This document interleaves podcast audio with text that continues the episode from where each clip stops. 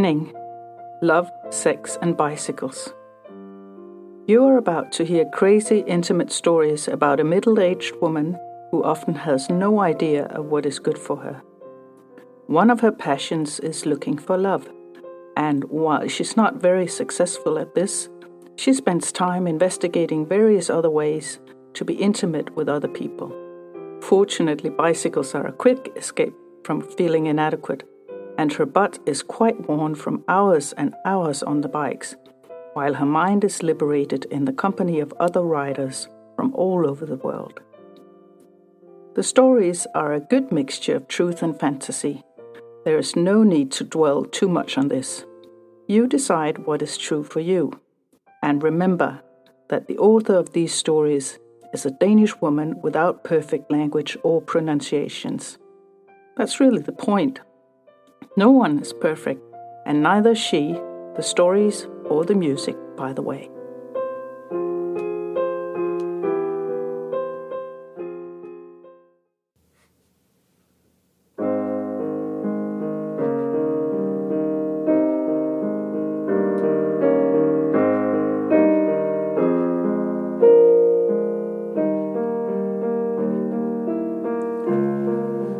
Once again, Disregarding earlier promises to herself, she tosses the dating fish line and swipes right. Another random push with her index finger, and she hauls in another good looking guy, dreaming of a coffee date and more, preferably the perfect life companion. Hi, sailor, where are you? he asks, and continues without waiting for her answer. I'm on Langkawi in my world cruising ship. Her brain lights up in rainbow colors. It must be fate. Here she is on her bike, on her way to Langkawi, arriving the next day, and suddenly he is right there on the screen the man with the boat and hair on his head.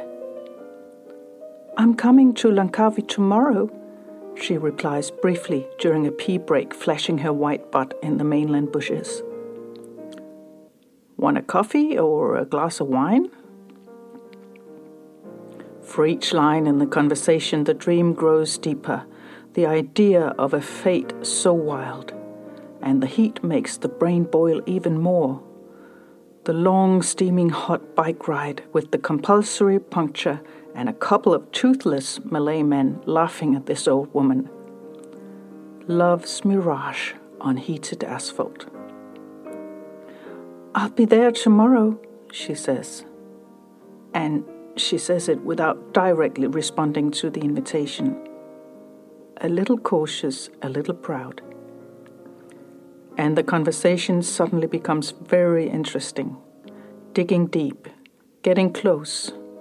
Much is tossed and turned on the screen, from the practical to the personal, and sometimes embarrassingly honest topics, close to something sensual and intimate, but never passed the limit for good behavior.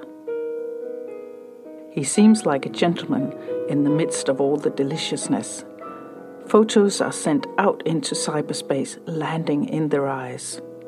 Body, face, smile, eyes, fat percentage, all in all, a delicious buffet. She falls asleep in a small hotel in Kedah with a smile on her wrinkly face and champagne in her heart. Good morning, sunshine, in a country where dreams come true and sweating is a promise. Miles quickly disappear behind her. Today, he will stand right in front of her. Very shortly, just after an hour of ferry crossing. She has been cycling so hard, way beyond her normal capacity, betting on a very early crossing. And the disappointment is great as the ticket lady shakes her head and says that the first ferry is two hours later, and then it will take three hours. It's not even a luxury ride, it's a rusty car ferry. But, but it can't be true, she says, almost with tears in her eyes, or is it sweat? She has examined all the departures. No, there are no other options, the lady says soberly behind the narrow hatch. Disappointment and defused muscles. It was just so perfect just a minute ago, and she was always in control. She gives in and pays and rides aboard, and she realizes that Malaysian public transport is just as intolerably untrustworthy as they say. Right up to the moment where she stands on the deck watching the fast ferry leave the quay just opposite, splashing off with a hint of mockery in the wake. Oh bugger, where's that sweet fate now? she thinks. But instead of diving into despair, she thinks that, well, maybe she's just supposed to build expectation even more during even deeper dialogue while she sits on the deck in the shade and the wind and looks towards the Love Island. Yes, that's it. It's meant to be, and she must be patient and rejoice. She's probably also supposed to lose all data connection, so eventually she only has a podcast with the Danish short radio newspaper. And a view, and a toothless captain and his first mate who would like to sell her a chrysanthemum drink while they're laughing at this wrinkled woman in tight fitting lycra. She watches the beauty of Langkawi approaching green, lush islands and white beaches the ferry slowly moves between the small islands on course towards the main harbour where all the world cruisers and big powerboats dazzle in the waters, and where his boat will be. Ah, oh, it'll be so good, she thinks. Langkawi looks like so many high green hills right now. Big job for her cycling legs, but what does that matter right now? She might just possibly have other things to do than bike around the island after tonight. But hey, what's going on? What is the ferry doing? Sailing past the harbour where he waits with a drink on his boat. She asks a few passengers. They don't understand English. She asks a five toothed crew guy. He just points forward towards land in the far distance, and for a moment all activity stops in her mind and body. Silence. Because where on the island does she end up now? And worse, this will mean many more kilometers today than planned. And even worse, she will not be able to keep the appointment in time, not to speak of communicating, because there's still no coverage for a phone. A woman without control. And for those who know her, it is an unwelcome feeling, in fact, quite unpleasant. Finally, she touches ground again, and it's pedal to the metal, doing what she can to get to her hotel quickly. Feet and thighs scream in pain, and sweat flows out of every pore. The hotel has Wi Fi. Finally, contact with the man again. No worries, he says. I'll just take a spin to the gym and we'll meet afterwards. She has a dazzling idea. How about getting together and getting some foot massage, sitting next to each other, talking while the poor feet and legs receive loving treatment? No, he can't do that. There are so many prostitutes in this foot massage industry. She doesn't dwell very long on the thought from where he has that experience, because her brain is still roasting, and just probably he just wants to be alone with her. So nice. Okay, I'll sit down at Restaurant Cowboy and wait for you, she says. I'll find you. I'm mobile. She takes a shower, but discovers in all her wetness that they forgot to give her towels in the room. With a sheet around her wet body, she moves out into the hallway and she almost, almost gets back to her room with her towels before four low legged Indians stare her down with pity in their black eyes. Just wait, she thinks. This pitiful body dresses up well. Her only clothes are ironed, and her hair dries nicely around her round face. It doesn't dare anything else. She confidently walks the short distance downhill to Restaurant Cowboy and tells the waitress that she's having company shortly. She is. The tall, handsome young man on his red scooter in the wind, with a fogged up visor on the oversized helmet being knocked up, and a dazzling smile appears. This is going to be such a good day, she thinks. What's the catch? A small cell whispers down in her big toe. They give each other a hug, a long one. They meet in the eyes and smiles and words, and talk for a long, long time before they think of worldly hunger. Who are you? What do you do? Where do you live? Where have you traveled? What boat do you have? Where did you grow up? How much do you exercise? What do you love to do? Yes, he is indeed quite perfect, even if he's not a vegetarian. And his big sailboat down in the harbor, she has checked it out on the internet. It looks just perfect. So you sleep in the aft cabin?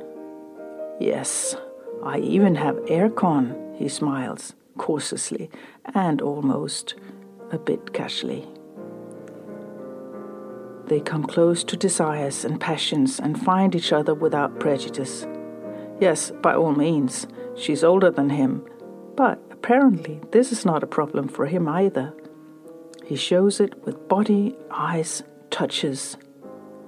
They order food and a beer. Alcohol is poison, you know, he says, pointing to his six pack. How do you think I keep my body fat on 10%? I drink a maximum of one to two beers a week. Nice, she thinks without meaning it, and immediately cancels the second round of beers. The food and ambience and smile and joy are swallowed in the gentle stream along with the cowboy's delicious and cheap Thai dishes. He moves his chair five inches closer to her, and she likes it, and she shows it. There's that green light. But uh, why is a nice man like you single? I'm not. I'm married. The fried cycle brain stops all activity. This is second time within 12 hours. The mental bike chain actually falls off. No power output there for a few seconds or 10. Uh, uh, what are you doing then here with me? She stutters vaguely. A standard question she has learned for moments like this. And with a lethargic and heavy and uninspired voice, an equally standard answer comes from him. Ordinary opinions about need and passion, and she, the wifey, didn't want to sail, and he could not leave and they were bound together in an expensive condo in the world's most expensive city, and they had a dog. No kids, fortunately. And he fled from Singapore to stay on the boat so that he could breathe. And she had all her girlfriends, but she didn't like his body. The magic has found a new continent. She wishes for a moment that she could flush his words down with another beer, but she dares not because maybe he will interpret it as a desire to continue, and she does not want to send that signal. I think I'm a little tired, she says. Do you feel like company? he asks. A good try, but the hope in his eyes is not convincing.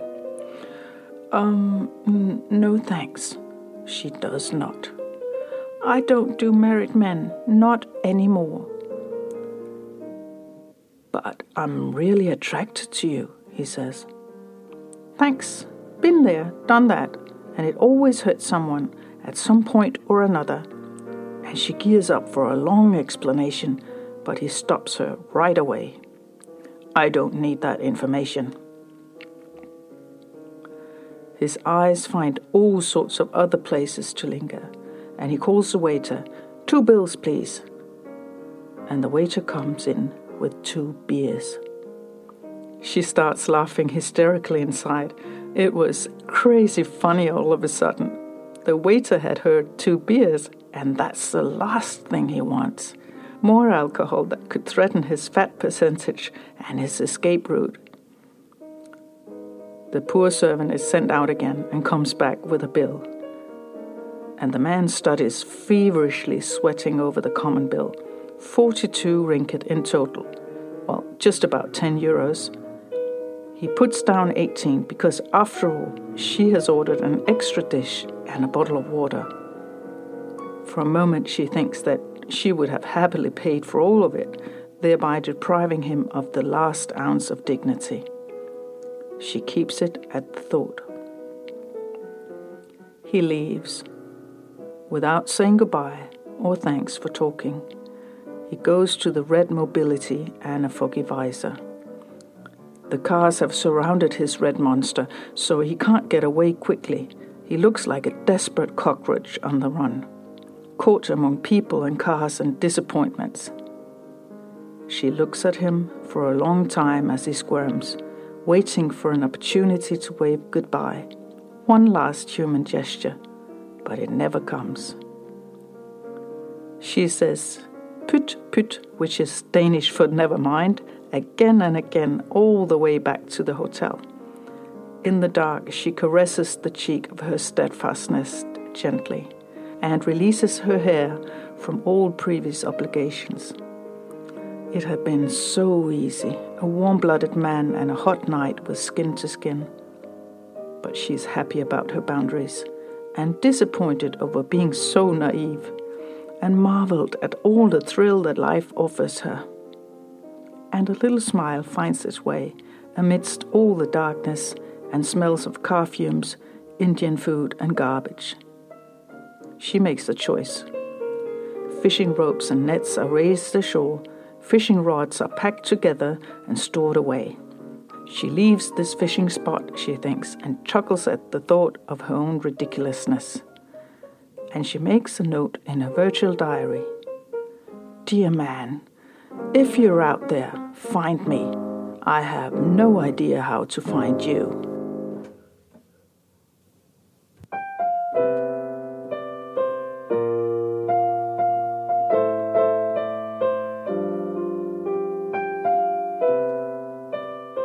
Everything has a beginning and an end, and often the closed door is really an invitation to open anew. Thank you for listening to this first episode of Spinning. You're more than welcome to leave a comment on the Facebook page Spinning. Have a truly amazing day.